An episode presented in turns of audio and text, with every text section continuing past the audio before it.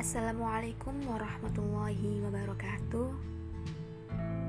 Untuk hari ini dan beberapa hari yang akan datang di podcast Jerit Harapan, setiap episodenya akan diisi dengan ayat-ayat suci Al-Qur'an.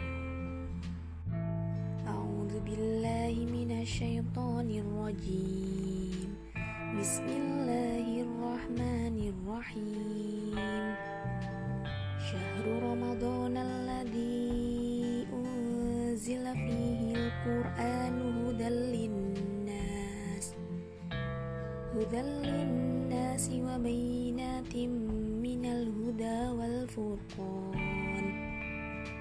فمن شهد منكم الشهر فليصم.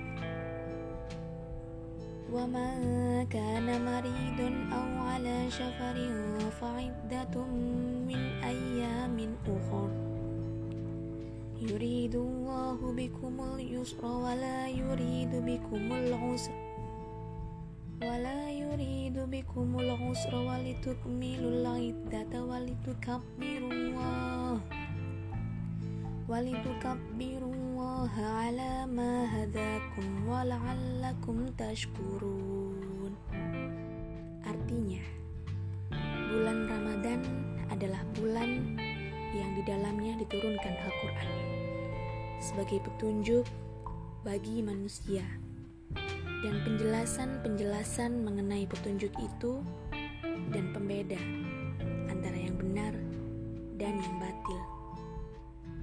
Karena itu, barang siapa di antara kamu ada di bulan itu, maka berpuasalah.